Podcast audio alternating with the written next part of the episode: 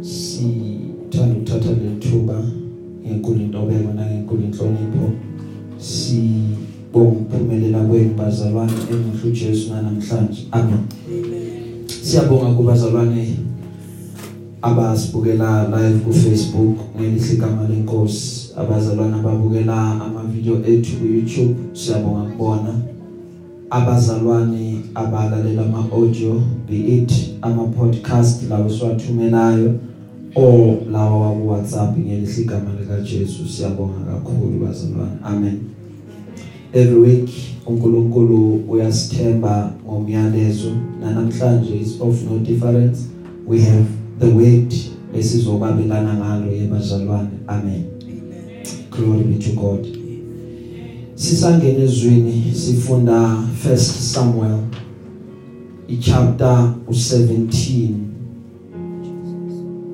akabongwe Jesu. Ngicela oyibonayo asifundele isihloko nje. Any eh noma yipi translation isihloko nje. David and Goliath. David and uDavid nobani? First Samuel. Chapter 17 Sihloko sithimba mhlamini David and Goliath. Amen. Sibonge nje nanokuthi uphinde usiphe eh sona ngesizulu Sizovala namehlo ethu yebazalwane sicele uma ke motha asikhulekele isangene ezweni. Baba egameni likaJesu Kristu waseNazaretha uNkulunkulu onamandla uNkulunkulu ophilayo uNkulunkulu oyingcwele. Baba namhlanje usesemuhle namhlanje usabusa usahleli esihlalweni sobukhosi. uNkulunkulu onamandla onke baba ekseni sithi sivela veze ngamandla akho ngegama lika Jesu Christ waseNazaretha baba uthembekile baba ngekho ofana njengawe. Ekseni baba sithi create in us a clean heart so that we may renew a steadfast spirit within us. Ngegama lika Jesu Christ waseNazaretha baba ngekho ofana njengawe. Baba ngekho longalinganiswa nawe. Baba izwi lakho lingamandla izwi lakho lingumbhoshongo ophephela kulo kanokwesaba kodwa uyalondeka. Ngegama lika Jesu Christ waseNazaretha baba ngekho ofana njengawe akekho longalinganiswa nawe.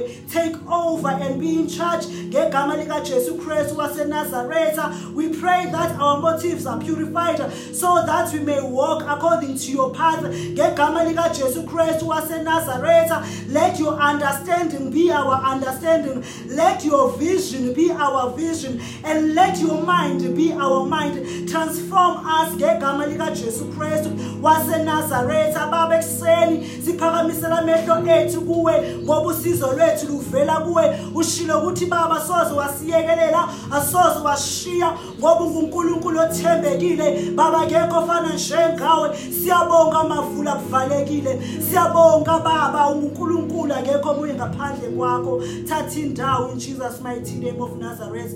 We pray amen. A- amen bazalwane siyabonga kakhulu. Every sunday before ngi ngizokwabelana ngezwi there is always a great debate eyenzakala engqondweni yami.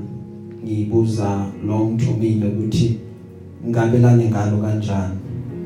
Uyena ohlahla indlela uyena oshoyo ukuthi siya la senza lokhu lokhu asikwenzi amen. So kubiza nje ukuthi ube sensitive to ukukhuluma kwakhe ukuze ungenzi okuphambene nezwi lelasuka likhuluma ngaleso sikhathi. Makabongwe Jesu. Na namhlanje ngizoxela yebazalwane ukuba nihambisane nami. Sizofunda nje ngendlela esingavamisile ukuthi iBhayibheli silifunde ngayo. Uma uliphethe ngicela ukuthi ulandele njengoba sizokwabelana ngalo. Uma ungaliphethanga wenze make sure ukuthi indlebe zakho uyivulile ukuthi bese uyalalela. Amen. Amen. Glory be to god. La sifunda khona first Samuel chapter 17 sizofunda nje ama verse njengoba ngizoloku ngihamba hamba ngisho bese siyafunda. Amen. Verse 12 first samuel chapter 17 iverse eka 12 lithi bible uDavide wayeyindodana yalowo Efrat waseBethlehem Juda ogama lakhe lalinguJesse wayenamadodana ayishiyagalombili lowo muntu wayemdala einsukwini zika Saul phakathi kwabantu babudlama ngicela ungifundele uverse ka12 First Samuel chapter 17 verse 12. yes Now David was the son of the Ephratite named, Je- named Jesse, who was from Bethlehem in Judah. Jesse had eight sons, and in Saul's time he was old and well advanced in years. yes ngicela ungifundele no13 Jesse's three eldest sons had followed Saul to the war. The, the firstborn was Eliab, the secondborn was Ab- Abinadab, and the third and the third Shammah. amen.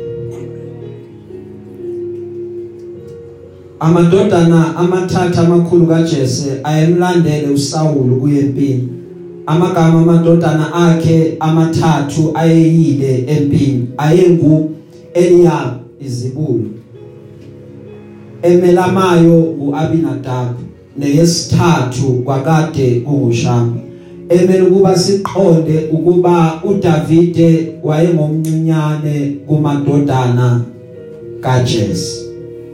uDavide into abekade ayenza bazalwane ukuthi ubengayanga yena empini. uDavide bekade angumalusi. uDavide ubekade ethunyelwa ukuba hamba Davide uyolusa izimvu. Haleluya uDavide had an obligation ukuthi uma eyolusa enze make sure ukuthi uyabuya ekhaya. uDavide bekumele ukuthi enze make sure ukuthi izimvu azalusile akulimali ngisho neyodwa uma anendlela yokuthi ayenze ukuze umhlambi kababa ubuye ekhaya uphelele. Amen. Kuthi mangithi kukhona izinto uNkulunkulu asiphathisa zona kunezinto uNkulunkulu asithemba ngazo. Uyabona umuntu into ongeyakhe bantwana basekhaya uyaye aqikelele ukuba ayiphathe kahle ngoba lento ingeyakhe. Amen.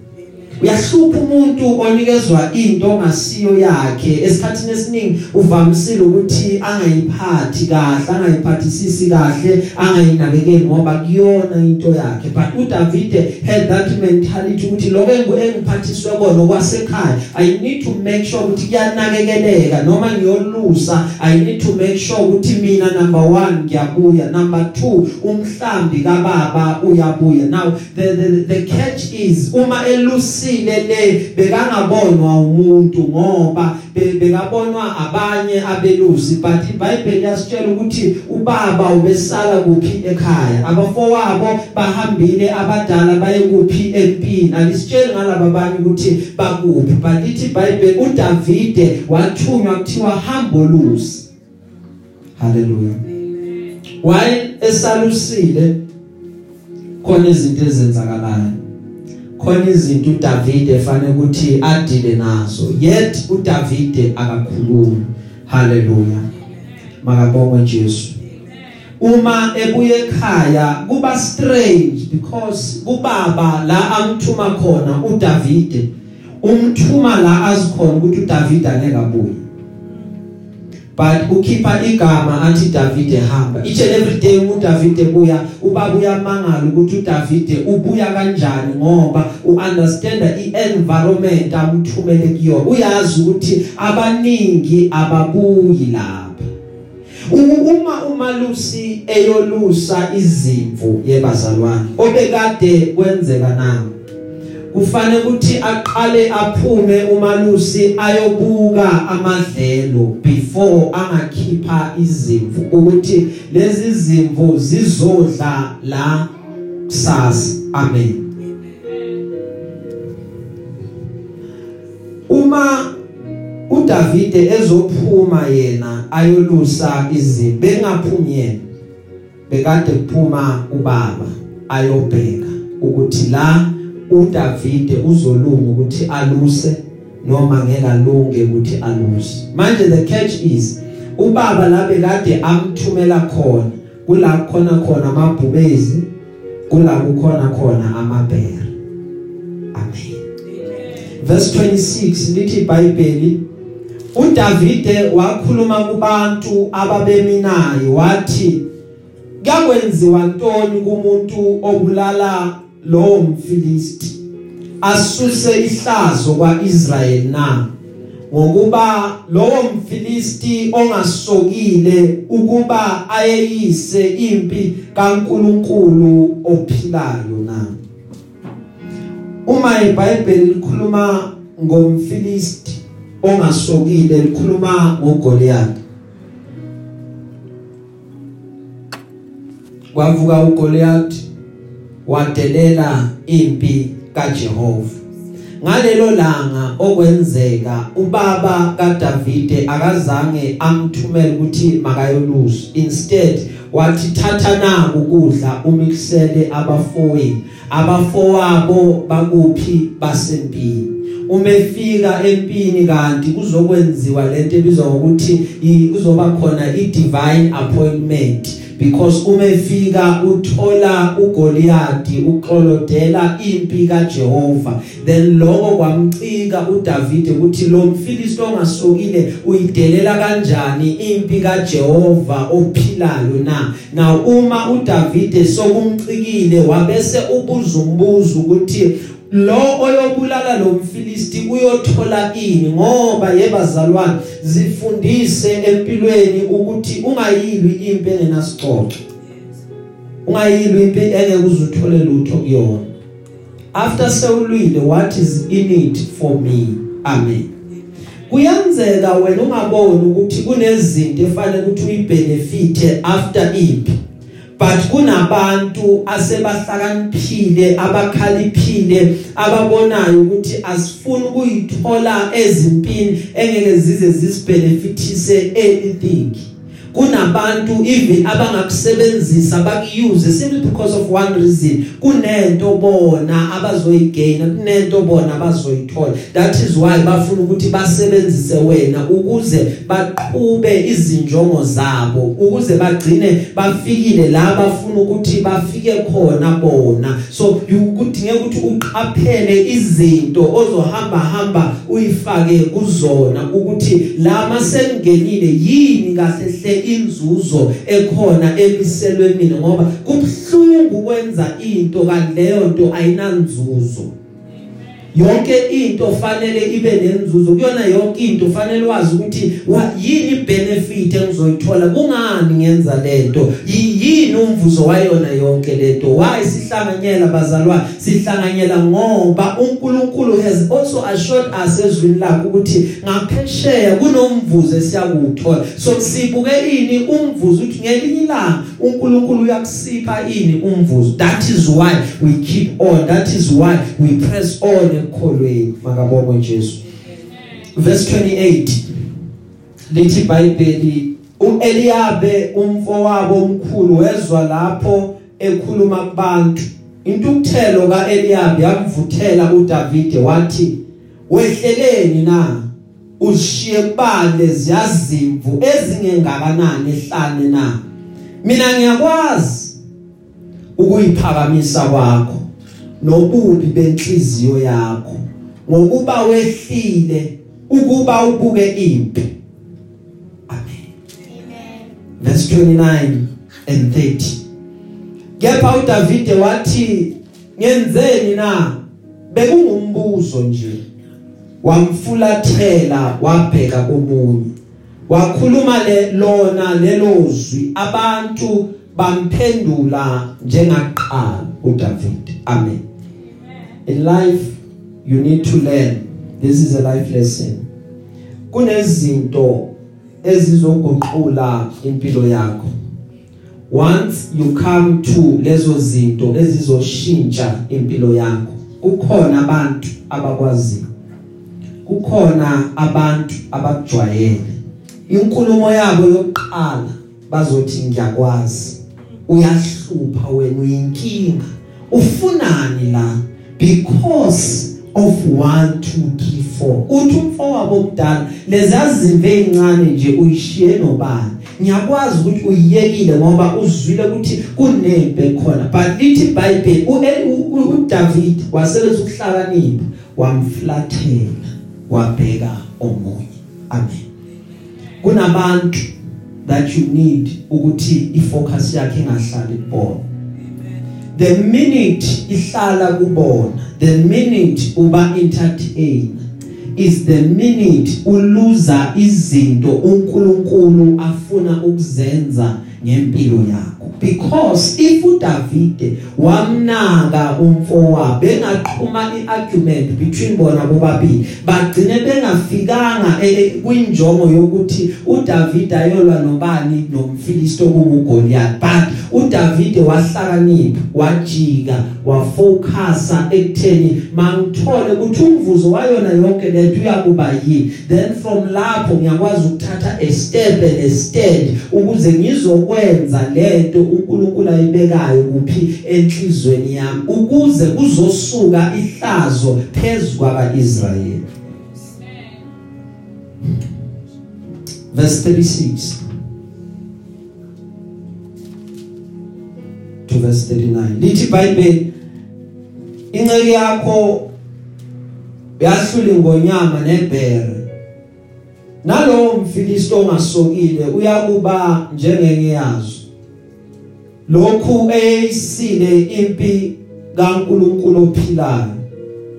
uDavide wathi uJehova owangophula ozisheni lwengonyama nasozisheni lwebhere uyakungophula nasesandleni salowo mfilisti Saul wathi kuDavide hamba uJehova uyakuba nawe haleluya uthi uDavide ngithe kuwena ehlane kunezinto zakhona. Sikhona sila sonke sinamahlane ethu. Kunezinto ezinqoba abantu bengekho. Kunezinto ezinqoba abantu bengaboni. Kunezinto ezifika kuwena zizokushaya zikhalise. Kanti uma ifikile kuwena zizokwakha. Kunento kuwena eyakhiwayo. Kune preparation kuwena yenziwayo yenzelwa ini impi elandelayo. Your next battle your next phase. Now uthi uDavide uma esefika enkosini ngoba uDavide umeqeda ukubuza abantu ukuthi um, umuntu oyonqoba lo mfilistiyoni kezwani then uma beqeda ukumtshela lithi iBhayibheli wathi ngithatheni ngikusene enkosini. Umefika enkosini uthi nangu mina nkosi i avail myself ukuthi ngingaya empini ngifike ngimnqobe lo mfilistiyo ongasokile ngoba the condition from uGoliath ibikade ithi ukuthi uIsrael akakhiphe umuntu oyedwa ozolwa naye. Loyo muntu if if amaFilisti emnqoba if uGoliath emnqoba loyo muntu ama abakwaIsrael bayakuba yikhonzi zamaFilisti. However if uIsrael ebanqoba uma uIsrael enqoba uGoliath it means ukuthi amaFilisti ayakuba yikhonzi zikaIsrael ngoba umuntu ebekade efuneka lapho iqhawe lempi umuntu okwazi ukulwa. Then uDavide wathi i am available ngoba bathi bonke uma bembuka uGoliath bambukela lephezulu bathi lo muntu uyigiant uyiqhawe angesikwazi ukuthi simnqobe ngoba emzimbeni wakhe ufake izinsimbi ugcwele nje izinsimbi uyabonakala ukuthi impi nje into yakhe impi into ayijwayele. So uIsrael ubekade amsaba uGoliath until kuze kuqhamuke umfana omncane othi here I am I am available. Now uma efika enkosini uSaul lithi iBhayibheli wathi uSaul angeke ulunge mfana ngoba lo muntu uyiqhawe lempi lo muntu kula waqala sesemncane. David angeke ubuye lapha. But uDavid lithi iBhayibheli wathi inkosi nami ngiyiqhawe lempi njengoba ungibona. Ngangibambene nebhere. uNkulunkulu ebuNkulunkulu bakhe weza wazongikhulula. Kwabuye kwabuye ibhubezi ngalibamba nalibhubezi. Ngaqeda ngalo. So uNkulunkulu is able ukuthi aphinde angikhulule kulo mfilisti because yinye nje into engiyaziyo ukuthi lo mfilisti akasokile. In other words akekho ku covenant noNkulunkulu ngoba lo nkulunkulu esihamba naye akavumi ukuthi kweyiswe yakhe impi. Maqeda bese uyathula akavumi akavumi akathula uNkulunkulu kubona bonke laba bamvukelayo haleluya lithi iBhayibheli wathi uSawule hamba ndodana uNkulunkulu uzoba nawe. Uma umenza umkhipha lapha evesini laka 38 no 39 lithi iBhayibheli uSawule wamembathisa ezakhe ingubo wamfaka isigqoko sethusa ekhanda wamgqokisa ibhanti lensimbi uDavide wabhinca inkemba kaSaul phezulu kwezambatho zakhe wazama ukuhamba ake sithi wazama ukuhamba. Ngokuba wayengakazilingi. uDavide wathi kuSaul anginakuhamba nalezi angikazilingi uDavide wayeseyikhumula amen. There there is something one day so besingene kuyona concerning le ndaba le. Ukuthi uSaul wathatha ingubo zakhe njengenkosi. Wayinikeza uDavide wathi Davide sigqoke. uDavide wazama ukuhamba ngazo zamhlula wathi inkosi angikwazi ukuhamba ngazo. Ngicela ukuthi uyithathe bese uyayikhumula at that point at that time uSaul netangazange zayibona ukuthi sekenza iexchange yobukhosi. Uthatha ingubo zakhe zasebukhosini uyinikeza to the next king ezolandela which is uDavid but uDavid was refuse lezi ngubo. Wathi Nkosi I cannot ngihambe ngale impahla ngoba angikaze ngahamba ngazo. Amen. In other words ungabothanda ukwenza izinto zabantu nezinto ongayijwayele ngoba lezo zinto zivamisile ukuthi zihamba hambe zikuhlaze amen. Ngcono nje uqhubeke ngalento yakho lo ujwayele oyaziyo iright. Amen. Ngoba lezi zabantu zizoxaka. Haleluya uyobe nje usizakele kakhulu uma ungahlala entweni yakho. Uyokusize wena. Amen. Sizithola ukuthi ungubani maqedwe uhlale kuloku uNkulunkulu akuphe kona uNkulunkulu akunikeze kona then uzobe uright. Ungaboni benza ufuna ukufana nabo ngoba kuzokwenzeka uzohamba hamba uphelele endleleni ngoba lento kuwe akuyona lekubo and ngale kubo awuyazi wena ukuthi amandla ayo anjani. Nale kuwe inamandla uNkulunkulu anayo akunikeze wona. Themba le uNkulunkulu akuthembe ngayo uzolunga. Amen. Lithi iBhayibheli evesini ka42 no 43 umfilisti esabuka wambona uDavide wameyisa ngokuba wayengumfana nje ebomvana. Ebukeka emuhle. Umfilisti wathi kuDavide nginja yini ukuba uze kimi unezinduku na? Umfilisti wamthuka uDavide ngawo uNkulunkulu bakhe. Haleluya. Verse 44 umfilisti wathi kuDavide woza kimi nginike inyonzi ezulu nezilwane zasendle inyama yakho uDavide wayesethi kumfilisti ku45 wena uza kimi nenkemba nomkhonto nengcula kepha mina ngiza kuwe ngegama lika Jehova Sibawuthi uNkulunkulu wempi kaIsrayeli oyeyisini namuhla uJehova uyakukunikela esandleni sami. Ngiyakubulala ngisuse ikhanda lakho kuwe. Nginike namuhla inyonzi ezulu nezilwane zomhlaba izidumbu zempi yamafilisti ukuze umhlaba wonke wazi ukuthi kukhona uNkulunkulu kwaIsrayeli. Yazi yonke nalenhlangano ukuthi uJehova akasindisi ngenkemba nangomkhonto. Ngokuba ukulwa kungokuka Jehova uyakukunikela esandleni sethu. Hallelujah. Amen glory be to God. Amen this part is very deep yebazalwane ngizoke ngithi nje fahla fahla bese singena ekugcineni kwendaba. Amen. uDavide la sifunda khona uapproacha umfilisti. Umfilisti uyamaze umfilisti uyamdelela. Ubuza umbuzo ukuthi ngiyinja yini ukuthi ngathunyelwa lo mfanyana? Uyabona izinto ezinamandla yizona zonke lezi zinto abantu abayibayidelela bayithathela phansi bayinyanza lezo zinto zinamandla wokuthi ziguqule umhlaba. Ngizothi kuwena namhlanje never despise anything.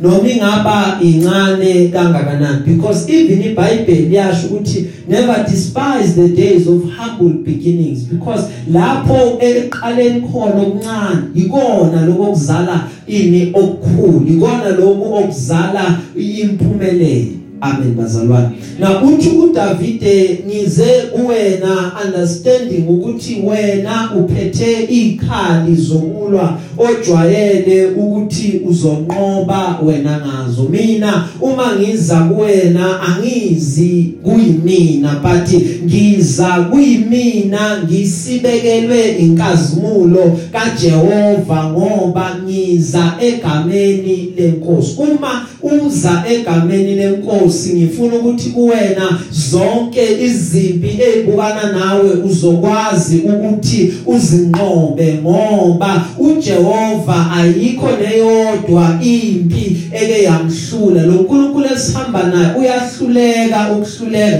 That is why iBhayibheli lishaya istep lithi uNkulunkulu unguNkulunkulu wempi impi unifika kuyena ifika ibhawu. Ayikho impi bazalwane enamandla ngaphezulu kaNkulunkulu angikhathaliseki abantu bangakuvukela impi ngavuka from all corners but it is the Lord oba nezwi lokugcina njalo uma kuma uma impi ikhona uma impi ifika imisa ngakuwena ofanele ukwenze ukuthi uthembele egameni lika Jehova ngoba uJehova uzokwenza ukuba unqobe zonke izimpi. Ukuze umhlaba uthi uDavide ukuze umhlaba wonke wazi ukuthi kwaIsrayeli ukhona uNkulunkulu.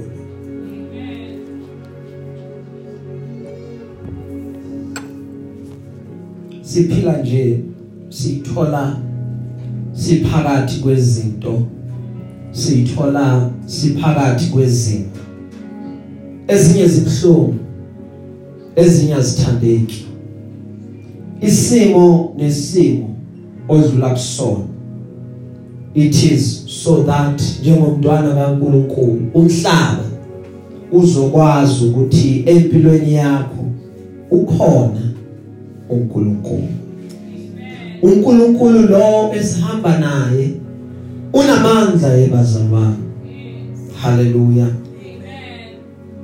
kulula ukukhuluma. I have learned ukuthi sizokhuluma sithi unamandla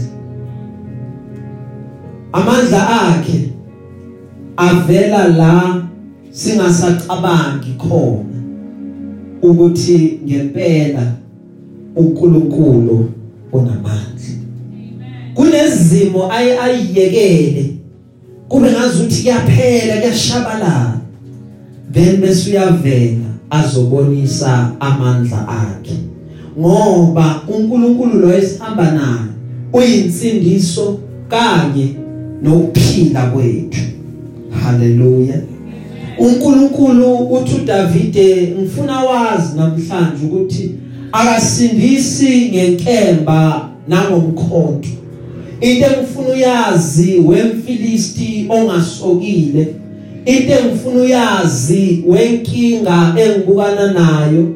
Ukuthi uNkulunkulu uyazinqoba zonke inkinga nezinkathazo uNkulunkulu noma singakhali inyembezi uNkulunkulu uyazesula izinyembezi lo uNkulunkulu esihamba naye uNkulunkulu uyasipha esicelayo uNkulunkulu uyasipha ukuthula. uNkulunkulu uyasipha injabulo. uNkulunkulu uyakwazi ukuthi asiphakamise abantu basale bebuzana ukuthi kanjani but because he is God that is why simethemba bazalwane glory be to God. Amavesi okugcina siwafundayo u57 kanye no58 lethi iBhayibheli uDavide esabuya ekulaleni umfilisti uAbner wamthatha wamisa phambi kukaSaul ephethe ikhanda lomfilisti esandleni sakhe. Sauli wathi kuye uyindodana kabani wena mfana na? uDavide waphendula wathi ngiyindodana yenceku yakho uJese waseBethlehem. Glory be to God. Okwenzeka ke bazalwane after seka discussile lo mfilisti umfilisti waqala wamsondela uDavide uDavide naye wamsondela. Uma uDavide esondela kanti uDavide usebuya emfuleni. Lapha emfuleni ufike wathatha amatshe amahlanu. Uma ethatha lawa matshe wawathatha wafaka isikhwameni sakhe lesomalusi maqeda wathi uma esondela umfilisti uDavide wahosha indwayimane yakhe. Wafaka ilitshe lodwa wayiphakamisa umfana indwayimane. Waliphonsa itshe uma ephonsa itshe ngivumele ngithi kuwena ubengaphonsi itshe lilodwa but leli litshe leli bekade liyigama lika Jehova njengoba umfana eshilo. Leli gama lahamba layoshaya isimo abekade abukene naso yena isimo ebekade uIsrayeli abukene naso. Maqeda wasinqoba leso simo ngoba sizwa iBhayibheli lithi umfilisti wabese uyabhawa. Lithi iBhayibheli wabese uguqanga uguqanga amadolo uyawa ngoba egameni lenkosi zonke izimo ziyakhothama zonke izimpi yebazalwane uma zifike egameni lenkosi ziyabhawa. I don't care ukuthi kuvela isimo esinjani i don't care ukuthi kuvela ubani wakuphi but ngizothi kuwena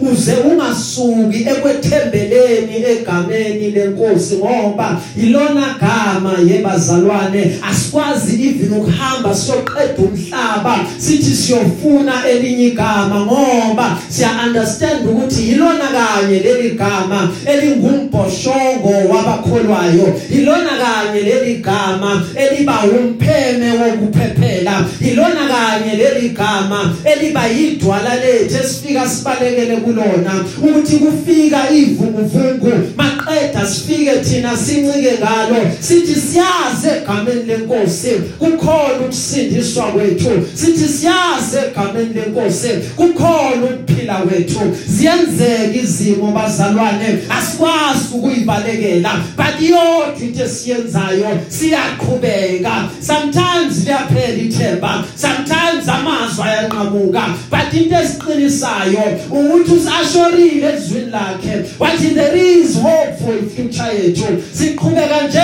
ngoba sincike kuyena. Siyazi uzoma nathi. Siyazi ungena nathi amen zonke. Siyazi angeke azasitele yena owanqobela uIsrayeli uthe kuIsrayeli akozela kalale wathi kuIsrayeli uyohlala njalo emthwele ingakho nathi simthembela ukuthi endleleni yonke uNkulunkulu akasoza kulungile kulungile zivuke mntaka baba zivumele zivuke ngoba kusohlelweni lwakhe. Understand ukuthi uNkulunkulu uthembile. Jabula ukuthi uthenjwe amazulu. Ungabuza imibuzo wazi ngivukela kangaka? Why kwenzeka lokhu ngalesi sikhathi?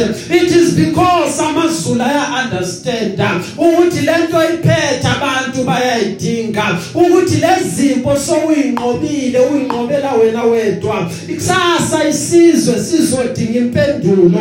Leyo impendulo yoqhamuka kuwena. Ngalezimpo inqoba abantu bangaboni. Kulungile zehle inyembezi but iyodwa into engiyithanda ngazo ukuthi noma zehlile ziyasuleka ukhona ukwazi ukuthi uqhubeke. Maqeda wamkelisa amandla ngoba iBhayibheli lishilo lathi abamethembayo usimakade bayathola amandla amasha. uNkulunkulu lithe iBhayibheli wembetha amandla njengengubo uyinkosi enamandla uyinkosi yenkazimulo njengoba sihamba naye uyasipha amandla okuqhubeka endleleni. Sizodlula sizoqhubha haleluya sizodlula sizoqhubha sizodlula sizoqhubha amen. Sizodlula sizoqhubha glory be to god. Uma senqobile uDavid ngifuna ukubuka ukuthi wa wakhuluma nomfilisti. Wathi namhlanje ngiyobe ngiphethe ikhanda lakho. Usho nje akaphethanga nkemba uDavid. Lithi iBhayibheli uma selidedele ithi lamshaya uGoliath wawu uGoliath lithi iBhayibheli wafike wama kuyena wahosha inkemba kaGoliath wamhlephula ikhanda waliphatha lelo khanda wayolipresenta enkosini. Wathi nali ikhanda lomfilisti wathi nali ikhanda lesitha saka Israel it means ukuthi impi kaIsrael impi kaJehova impi engahlulwa isinqobile. Haleluya ubengaphethanga nkemba wamnqoba uGoliath. Uma semnqobile kanti uvula umnyango. Umnyango wokuthi bambuze ukuthi David uyindodana kabani?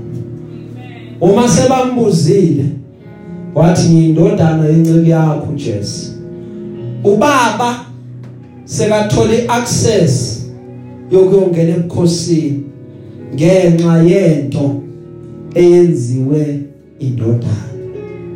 Haleluya because umyalo ubukade uthi uma esenqobile uDavid into ayoyithola okokuqala uyothola ukuthi anikezwe indodakazi yenkosi ashadele ebukhosini.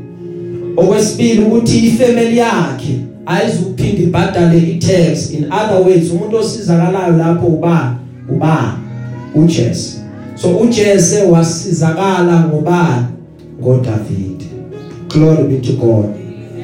Bengizosho lokho namhlanje bazalwane ukuthi kukona konke uNkulunkulu wethu uzosunqobela. Amen.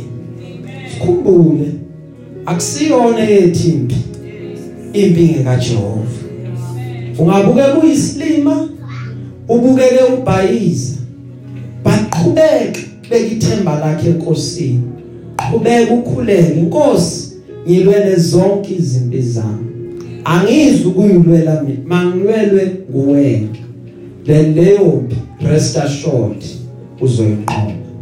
Singasukuma izivale namehlethu